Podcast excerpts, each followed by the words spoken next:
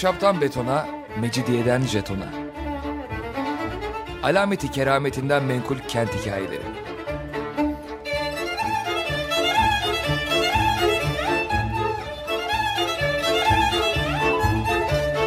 Hazırlayan ve sunan Pınar Erkan.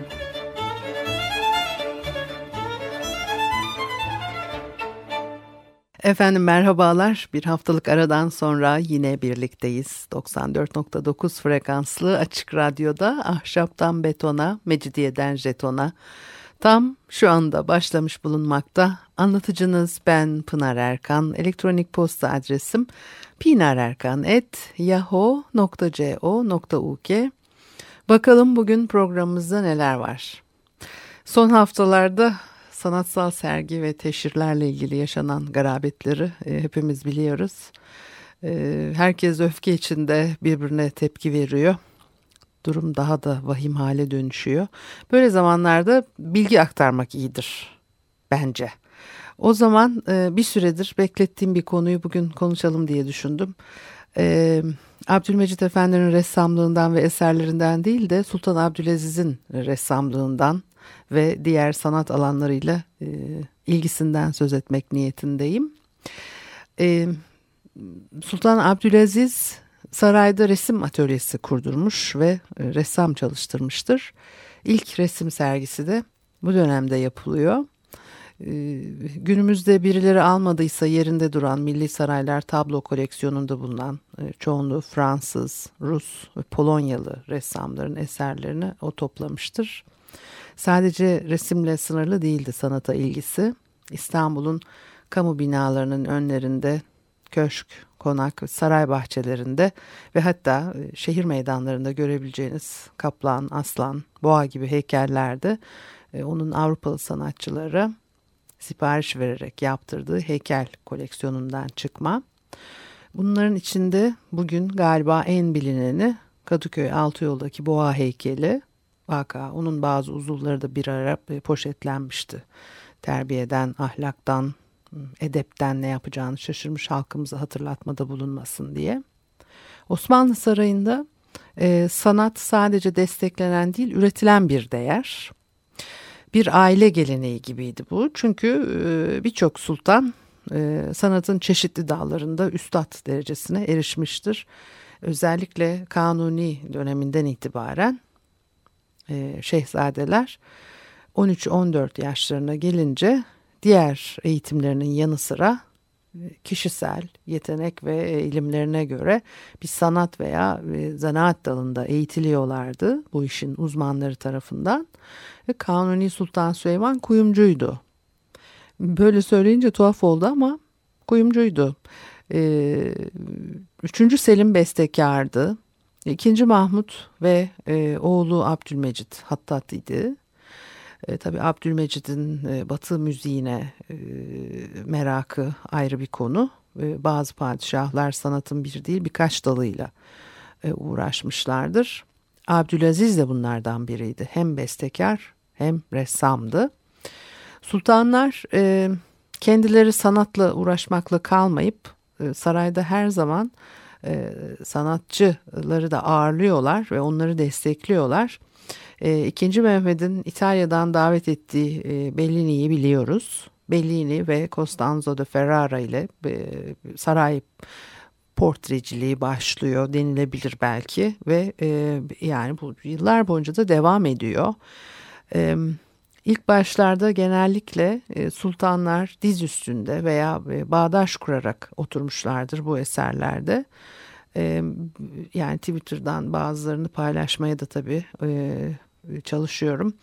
E, 18. yüzyıl artık batılılaşma etkilerinin ortaya çıktığı dönem daha batılı yaklaşımlar ekleniyor bu eserlere. Çünkü bu dönemlerde batıdan İstanbul'a gelen e, sanatçıların da sayısı epey artıyor geçmiş dönemlere kıyasla ve daha açık bir ortam var. Yani eskiden öyle saraya girmek çok daha zorken e, Melling'i anlatmıştım size e, nasıl padişahların köşklerini büyükelçilere gezdiriyor rehber gibi filan diye o zaman da infial yaratan bir şey aslında hani bu bir turistik geziye dönüşmüş iş aslında e, e, saray mensuplarının e, konutlarına girmek öyle e, her baba yiğidin harcı değil ama e, Melling'i işte bu ayrıcalığı tanımışlar. Gerçi sonra e, verdikleri ayrıcalıkları çok e,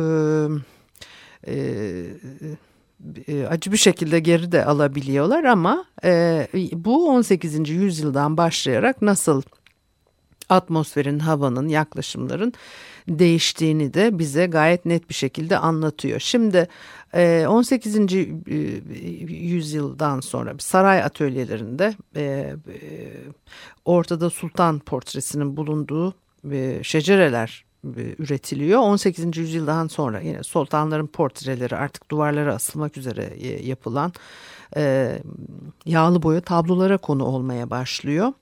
Üçüncü Selim'in e, büyük boy e, portresini yaptırdığını biliyoruz. Bir de Avrupalı e, hükümdarlara bunları e, gönderdiği söylenir. Onun ne kadar doğru olduğunu çok iyi bilmiyorum.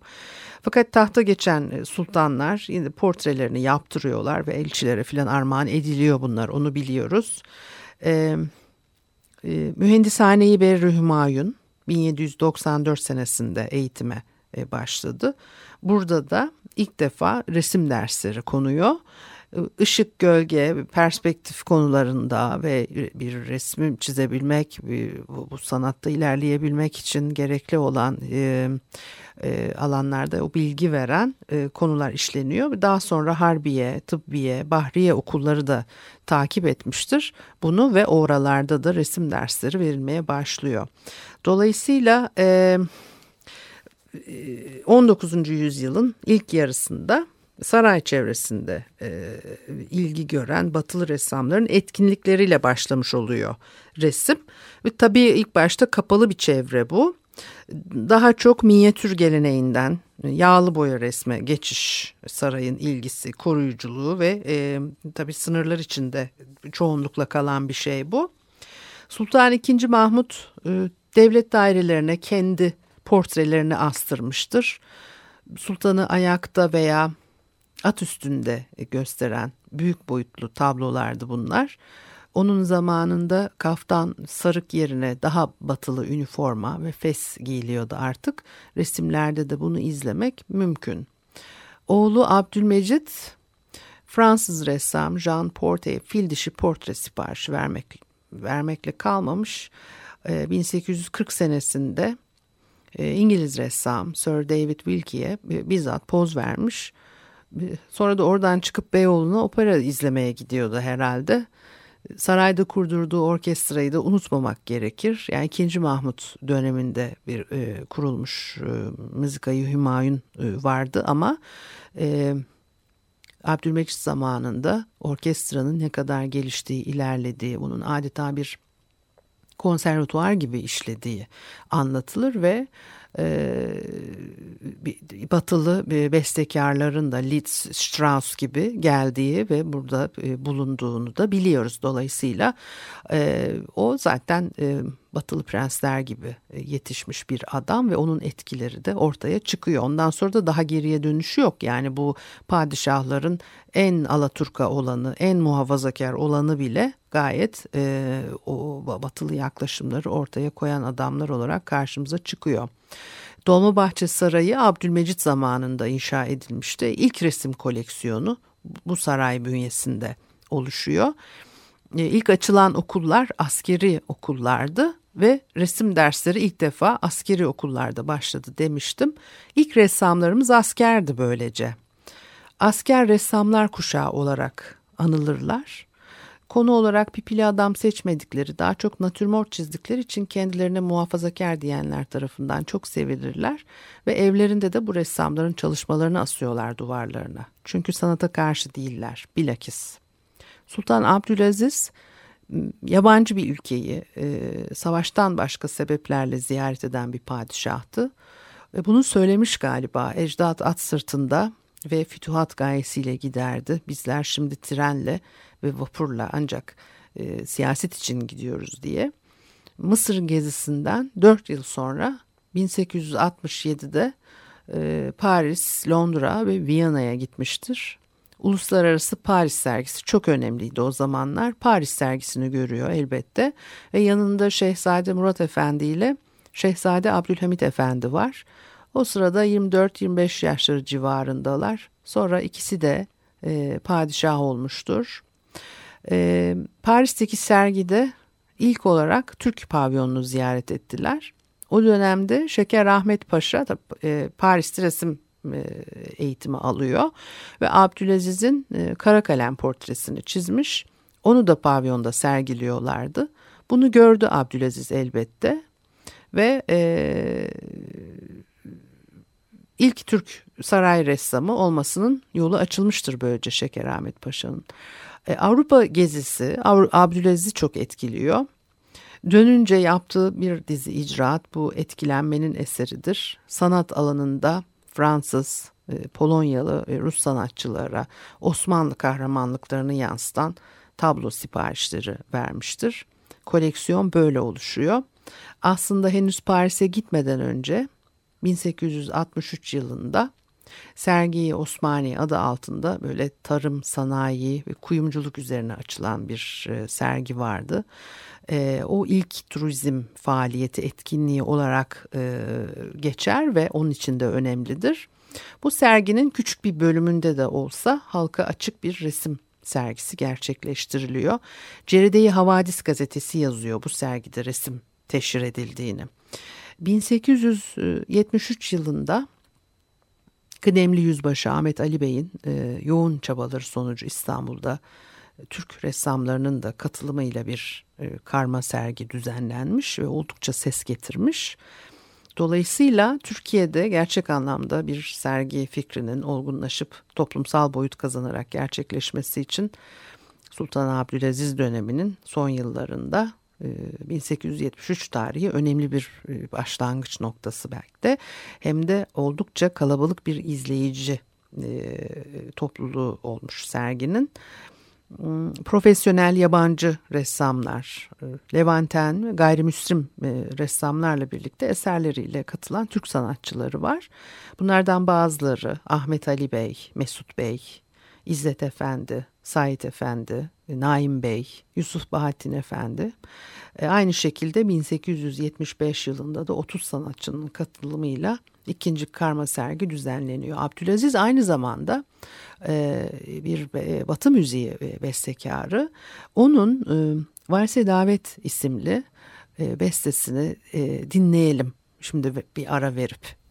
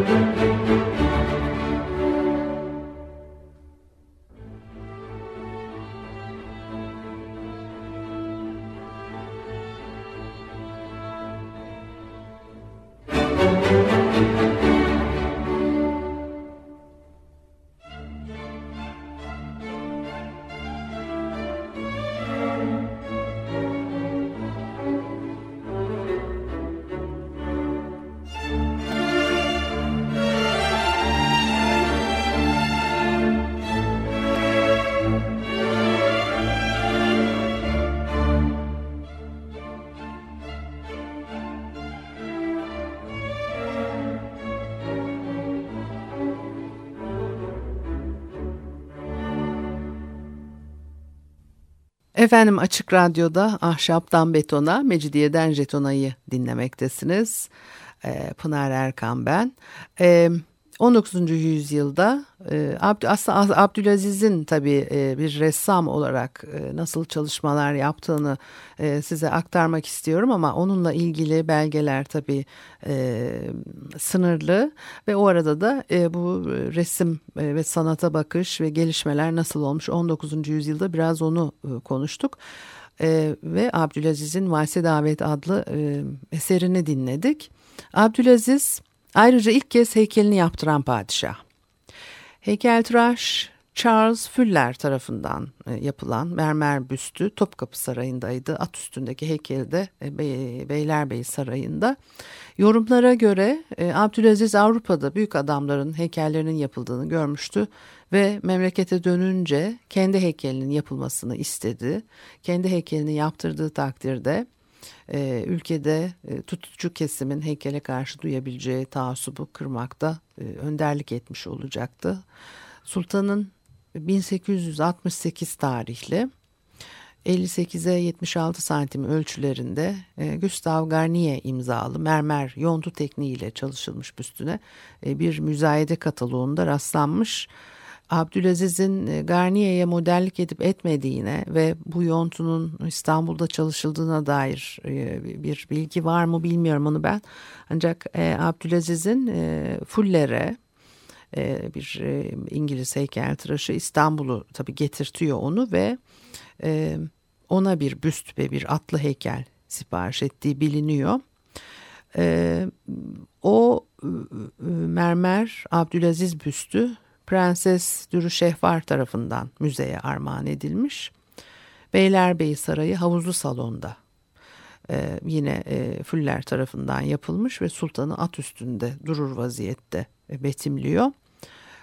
Normal boyutlardan küçük çalışılmış olan al, alçı heykel 1871 yılında Floransa'da tamamlanmış. E, muhtemelen bu heykeli beğenen Abdülaziz eserin e, bronza dökülmesini istiyor. E, 1868 Paris sergisini gezerken Fransız heykeltıraş Jules Isidore Bonheur e, o bir meşhur o dönemin romantik Fransız heykeltıraşlarından hayvan heykelleri üzerine çalışıyor daha çok. Onun Tokuşanboğa adlı çalışmasını görüyor ve bir örneğini de kendisi için yapmasını istiyor. Buna benzer birçok hayvan heykeli siparişi verdiği tahmin ediliyor. İstanbul saray bahçeleri için e, Fransa'dan getirtiliyor bu figürler. Devrin kendine özgü özellikleri var. 19. yüzyılın heykel sanatına hakim e, neoklasik üsluba tepki olarak doğuyor tabii romantizm anlayışı o doğrultuda biçimlendirilmiş figürler bunlar. E, bu üslupla gerçekleştirilen heykellerin konuları da e, genellikle tarih, edebiyat, av sahneleri, e, vahşi hayvanlar. Abdülaziz de hayvanlara karşı çok e, ilgili özellikle de aslan, kaplanlara çok meraklı. Çırağan Beylerbeyi saraylarına koydurmak üzere Fransa'dan bronz mermer heykeller getirtiyor. Bu heykellerin birçoğu e, Fransız heykeltıraş Pierre-Louis Rouillard tarafından yönetilen bir grup sanatçı tarafından e, gerçekleştiriliyor. Sultan Abdülaziz'in hayvan heykellerinden oluşan koleksiyonu da e, toplamda 24 figür içeriyor. İşte bunlardan biri bugün alt yoldaki meydanda duran. O da böyle İstanbul'u tabii çok gezdi. Kaymakamlığın önündeydi, Sabancı'nın evinin önündeydi. E, Kadıköy Kız Sesi'nin bahçesinde tabii o zamanlar daha Kadıköy Kız Sesi olmadan önce orada da bir e, Mısır prensesi yaşıyordu.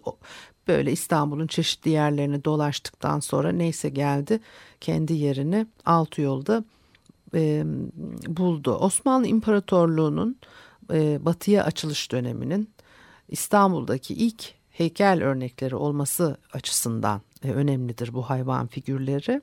Genellikle küçük e, orijinallerinin büyütülerek çoğaltılması yoluyla yapılıyor bunlar.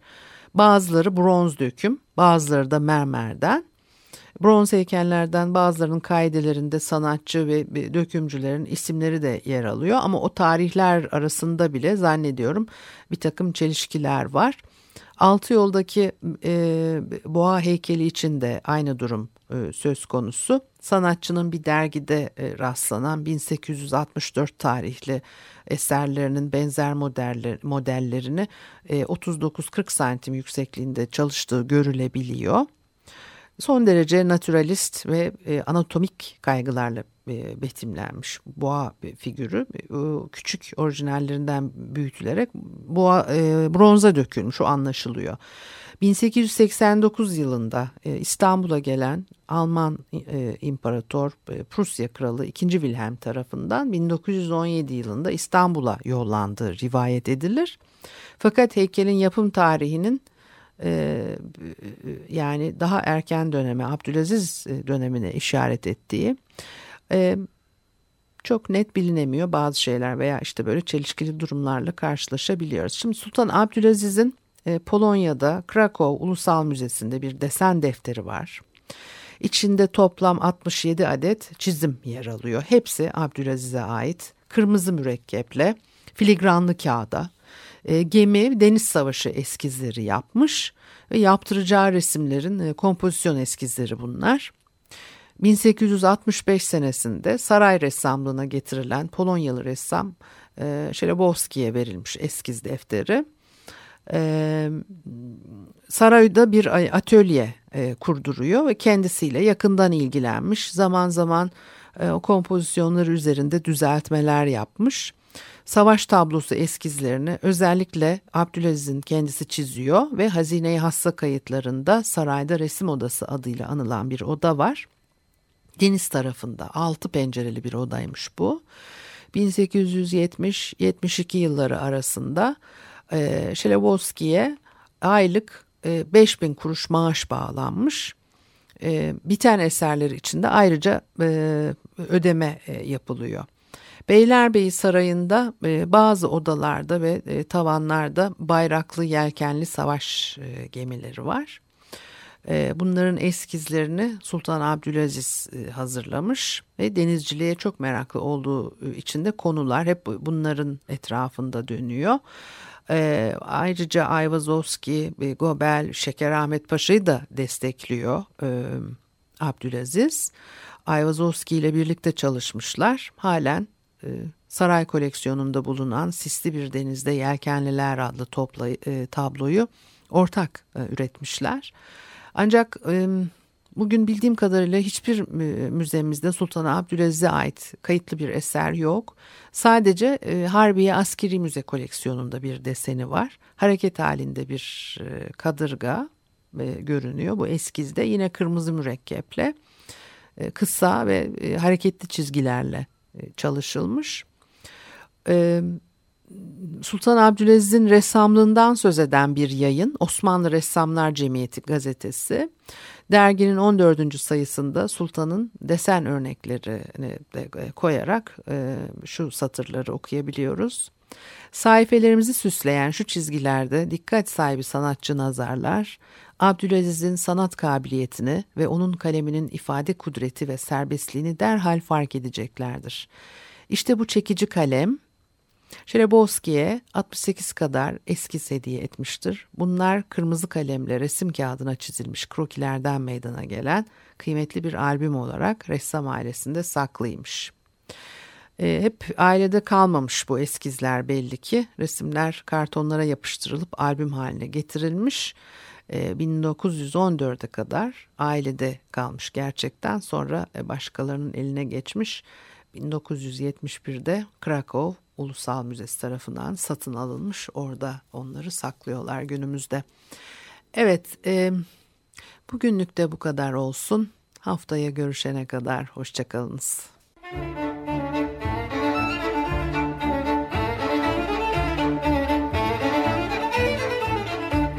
Ahşaptan betona, mecidiyeden jetona. Alameti kerametinden menkul kent hikayeleri.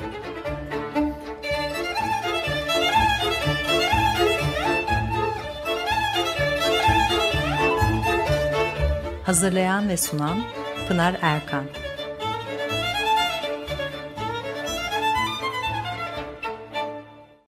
Açık Radyo program destekçisi olun bir veya daha fazla programa destek olmak için 212 alan koduyla 343 41 41.